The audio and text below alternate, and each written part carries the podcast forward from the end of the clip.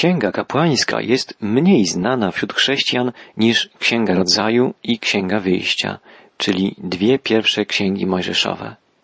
Przeciętny czytelnik Biblii w miarę dobrze zna historię stworzenia świata, dzieje pierwszych ludzi, Noego i patriarchów, a także historię Mojżesza i wyjścia narodu izraelskiego z niewoli egipskiej. Natomiast większość czytelników zniechęca się, rozpoczynając lekturę Księgi Kapłańskiej, czyli trzeciej Księgi Mojżeszowej, która z pozoru zawiera mało ciekawe, suche przepisy dotyczące kultu w świątyni, sprawowania przez kapłanów służby, opisy rodzajów i sposobów składania ofiar w czasach Starego Testamentu wydają się na pierwszy rzut oka niezbyt dla nas współczesnych istotne. Okazuje się jednak, że księga ta może być źródłem fascynujących odkryć, bogatych treści. Kaznodzieja radiowy Vernon McGee, prowadząc audycje oparte o studia kolejnych ksiąg biblijnych, stwierdził, że Księga Kapłańska staje się w trakcie uważnego i głębokiego studium księgą poruszającą, wręcz wstrząsającą i inspirującą czytelnika do pogłębienia swej więzi ze świętym Bogiem. Dr Vernon McGee uważa tę niezwykłą księgę za jedną z najbardziej wartościowych i za jedną z najważniejszych ksiąg biblijnych. Nie jest to zresztą odosobniony pogląd. Już przed laty dr Kellogg stwierdził, że księga kapłańska jest najważniejszą częścią Biblii, a dr Albert Dudley z Memphis, że jest to najwspanialsza księga spośród wszystkich ksiąg biblijnych. Pamiętamy, że księga wyjścia, poprzedzająca księgę kapłańską, kończy się opisem namiotu spotkania, zwanego też namiotem zgromadzeń. W tej świątyni, wędrującej wraz z Izraelem po pustyni, przebywał sam Pan. Księga kapłańska mówi o tym, w jaki sposób składano ofiary i oddawano chwałę Bogu. Wielkim tematem tej księgi jest uwielbianie Boga, oddawanie Mu czci i chwały.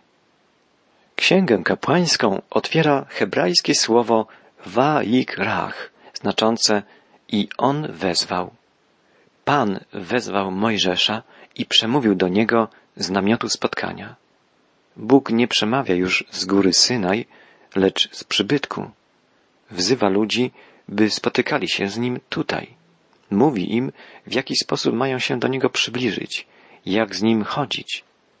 W tamtym czasie Bóg przemówił więc z namiotu spotkań, wzywając ludzi, by do Niego przyszli.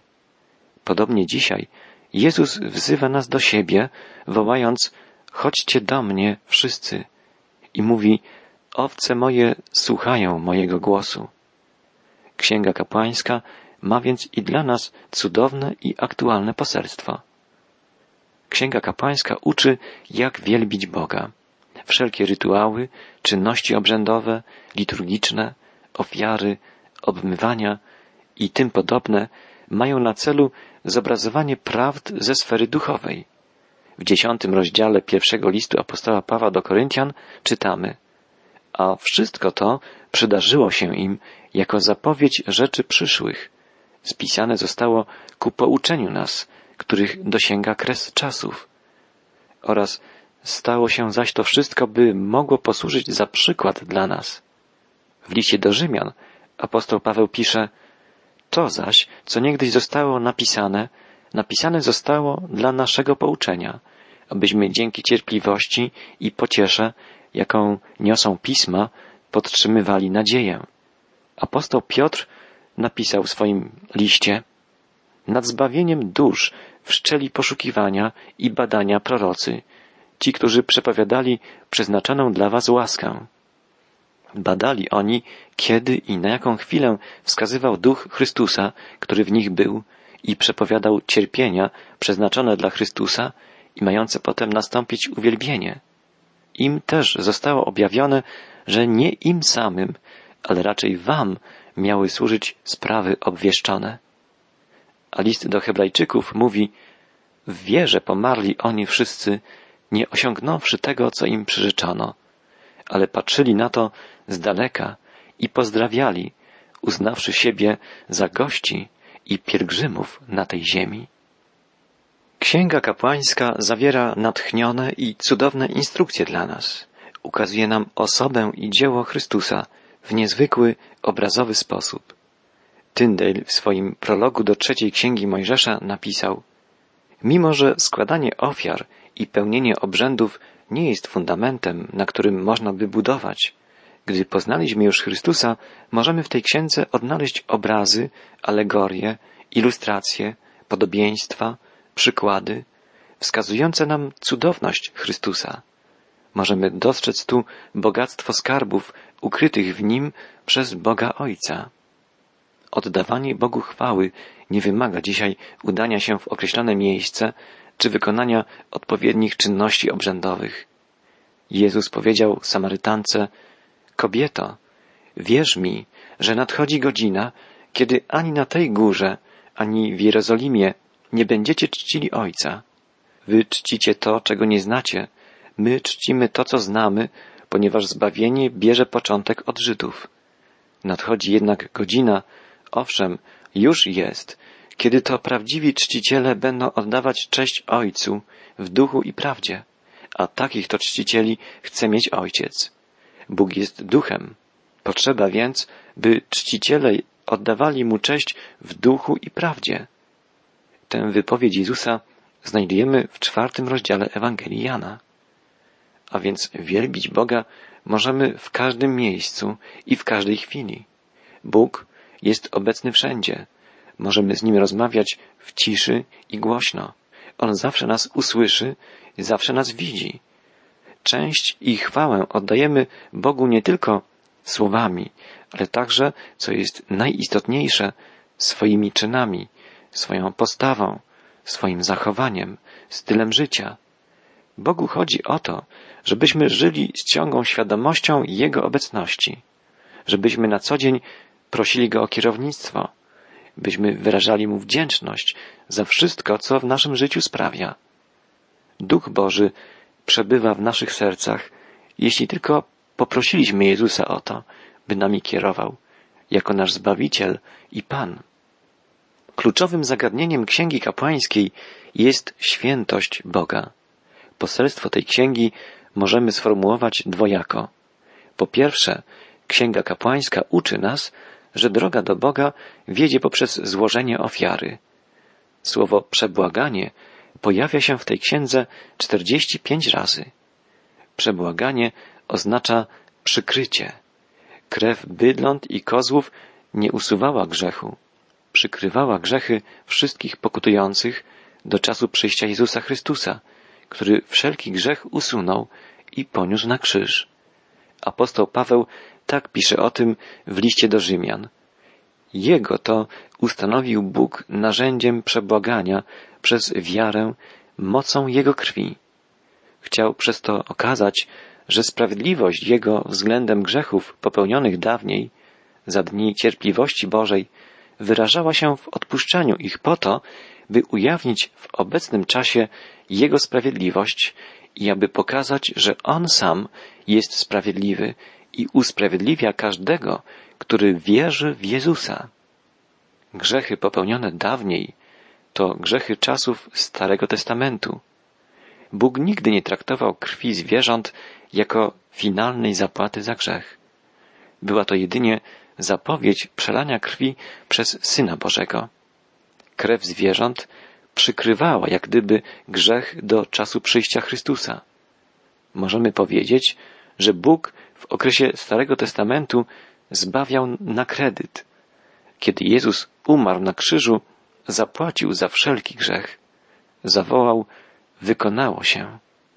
Jednym z kluczowych wersetów Księgi Kapłańskiej jest jedenasty wiersz rozdziału siedemnastego. Czytamy tu, bo życie ciała jest we krwi, a ja dopuściłem ją dla was na ołtarzu, aby dokonywała przebłagania za wasze życie, ponieważ krew jest przebłaganiem za życie. Jezus przelał na krzyżu swoją krew, oddając za nas swoje życie. A więc, po pierwsze, Księga Kapłańska objawia nam prawdę, że droga do Boga wiedzie poprzez przelanie krwi, poprzez złożenie ofiary życia, wystarczającej, by usunąć grzech. Po drugie, Księga Kapłańska uczy nas, że chodzenie z Bogiem jest możliwe poprzez dokonywanie się procesu naszego uświęcenia. Słowo świętość występuje w tej księdze 87 razy. W 20 rozdziale i 26 wierszu tej księgi czytamy Będziecie dla mnie święci, bo ja jestem święty, ja, Pan, i oddzieliłem was od innych narodów, abyście byli moimi. Bóg polecił swemu ludowi przestrzeganie ścisłych przepisów odnośnie spożywania określonych pokarmów, odnośnie zasad życia społecznego, odnośnie codziennego bytowania, wskazując szczegółowo nawet fizyczne jego aspekty. Przepisy te znajdują jednak głębokie odniesienie w sferze duchowej życia Bożego ludu dzisiaj. Dlatego właśnie powinniśmy uważnie studiować i rozważać treść Księgi Kapłańskiej. Mamy dzięki przelaniu przez Chrystusa krwi za nas dostęp do Boga. W liście do Hebrajczyków w dziewiątym rozdziale czytamy, że Chrystus wszedł do samego nieba, aby się wstawiać teraz za nami przed obliczem Boga Ojca. I nie dlatego, żeby wielekroć ofiarować samego siebie, podobnie jak arcykapłan wchodził do świątyni co roku z cudzą krwią, gdyż wtedy musiałby cierpieć wiele razy od początku świata. Ale obecnie objawił się on jeden raz u schyłku wieków dla zgładzenia grzechu przez ofiarowanie samego siebie. Ci, którzy zostali odkupieni świętą krwią Chrystusa, muszą żyć świętym życiem, jeśli chcą przeżywać pokój i radość, jeśli mają wielbić Boga. Czytamy dalej w liście do Hebrajczyków w rozdziale trzynastym. A Bóg pokoju, który przez krew przymierza wiecznego wywiódł spośród umarłych wielkiego pasterza owiec, Pana naszego Jezusa, niech was wyposaży we wszystko dobre, abyście spełnili wolę Jego, sprawując w nas to, co miłe jest w oczach Jego, przez Jezusa Chrystusa, któremu niech będzie chwała na wieki wieków. Amen. Księga kapłańska jest fascynująca, gdy rozważamy ją poprzez pryzmat Nowego Testamentu. Przy powierzchownym czytaniu może być nudna i taką się wydaje większości chrześcijan. Podczas głębszego studium ukazuje się jednak naszym oczom fascynujące bogactwo treści tej księgi. Oto dziesięć punktów ukazujących w skrócie tematykę tej księgi. W pierwszych siedmiu rozdziałach można dostrzec wspaniałe obrazy opisujące osobę i dzieło Jezusa Chrystusa, ukryte w rodzajach i sposobach składania ofiar. Punkt drugi. W rozdziałach ósmym, dziewiątym i dziesiątym, rozdziałach opisujących poświęcenie kapłanów do służby w świątyni, znajdujemy wiele nauk co do uświęcenia i powołania do służby wszystkich wierzących jako współkapłanów Chrystusa. Żyjemy przecież w czasie, gdy obowiązuje powszechne kapłaństwo. Punkt trzeci. Zdrowe, posiadające wysokie walory odżywcze pokarmy, opisane w rozdziale jedenastym, zalecone przez Boga swemu ludowi, wędrującemu po pustyni, stanowią obraz duchowego pokarmu potrzebnego nam w życiu na pustyni współczesnego świata. Punkt czwarty. Uwagi dotyczące macierzyństwa zawarte w rozdziale dwunastym ukazują Boże zainteresowanie kobietą i jej ogromną rolę w kształtowaniu profilu duchowego całych pokoleń. Punkt piąty. Opis postępowania zapewniającego obronę przed rozprzestrzenianiem się trądu, zawarty w rozdziałach od 13 do 15, wskazuje, jak walczyć z grzechem jako trądem naszej duszy. Punkt szósty. Wielki dzień przebłagania, Jom Kippur, opisany w rozdziale szesnastym, ilustruje przebłaganie, którego dokonał Jezus, składając w ofierze swoje życie. Punkt siódmy. Ważna rola ołtarza całopalnego, opisana w rozdziale siedemnastym, rzuca pełny snop światła na krzyż Chrystusa i jego znaczenie dla ludzkości. Punkt ósmy. Szczegółowe przepisy regulujące codzienne życie ludu Bożego, zawarte w rozdziałach od 18 do 22, wskazują, jak bardzo Bóg pragnie, aby nasze życie osobiste, życie rodzinne i społeczne było nasycone Jego wśród nas obecnością. Punkt dziewiąty. Lista świąt, zawarta w rozdziale 23, stanowi proroczą wizję Bożych oczekiwań co do planu, według którego przebiegać powinno życie człowieka oddanego Bogu. I punkt dziesiąty. Ostatnie rozdziały Księgi Kapłańskiej, rozdziały od 24 do 27, zawierają wiele niezwykle interesujących proroctw dotyczących narodu izraelskiego i ziemi obiecanej w czasach teraźniejszych i przyszłych, łącznie z czasami eschatologicznymi. Tak w skrócie przedstawia się tematyka Księgi Kapłańskiej.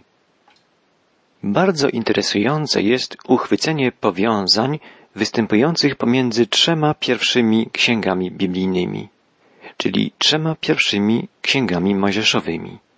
W pierwszej księdze, księdze rodzaju, inaczej nazwanej księgą Genezis, widzimy upadek człowieka. Najpierw stworzenie, a potem upadek człowieka. W drugiej księdze mojżeszowej, czyli księdze wyjścia, księdze Exodus, dowiadujemy się o odkupieniu człowieka i o wyprowadzeniu go z niewoli grzechu. W trzeciej księdze mojżeszowej, księdze kapłańskiej, widzimy jak człowiek oddaje Bogu chwałę. Jest więc ciągłość i kontynuacja w poselstwie objawionym nam w trzech pierwszych księgach Biblii. Możemy też dokonać pewnych porównań i dostrzec różnice występujące pomiędzy Księgą Wyjścia a Księgą Kapłańską, a więc pomiędzy drugą i trzecią Księgą Mojżeszową. Księga Wyjścia ofiarowywuje przebaczenie, Księga Kapłańska czystość. Księga Wyjścia opisuje zbliżenie się Boga do człowieka, a Księga Kapłańska zbliżanie się człowieka do Boga. Księga Wyjścia przedstawia Chrystusa jako Zbawiciela. Księga Kapłańska przedstawia Chrystusa jako tego, który uświęca. Księga Wyjścia naświetla problem winy człowieka. Księga Kapłańska naświetla problem jego grzeszności, problem jego nieczystości i potrzeby oczyszczenia, uświęcenia. W Księdze Wyjścia Bóg przemawia z góry Synaj. W Księdze Kapłańskiej z namiotu spotkania. W Księdze Wyjścia widzimy, że człowiek zostaje przygarnięty przez Boga. W Księdze Kapłańskiej widzimy, jak Bóg podtrzymuje człowieka, aby stale mógł przebywać blisko Niego. Rozważając treść Księgi Kapłańskiej, będziemy chcieli zrozumieć i wprowadzić w życie Boże wskazania odnoszące się do naszego duchowego rozwoju, wzbogacania naszej więzi z Nim i poddawania się Jego procesowi uświęcania nas. Pomódlmy się. Boże, dziękujemy Ci, że dajesz nam poznać siebie, że pragniesz wprowadzać nas w duchowe prawdy, objawiając nam je w słowach i w obrazach. Otwórz nasze serca, otwórz nasze umysły, żebyśmy mogli zrozumieć Cię i spraw, byśmy zapragnęli chodzić z Tobą, byśmy coraz lepiej Cię poznając, coraz mocniej kochając, służyli Tobie i wielbili Cię swoim życiem. W imieniu Jezusa i dla Jego zasług prosimy Cię, Ojcze. Amen.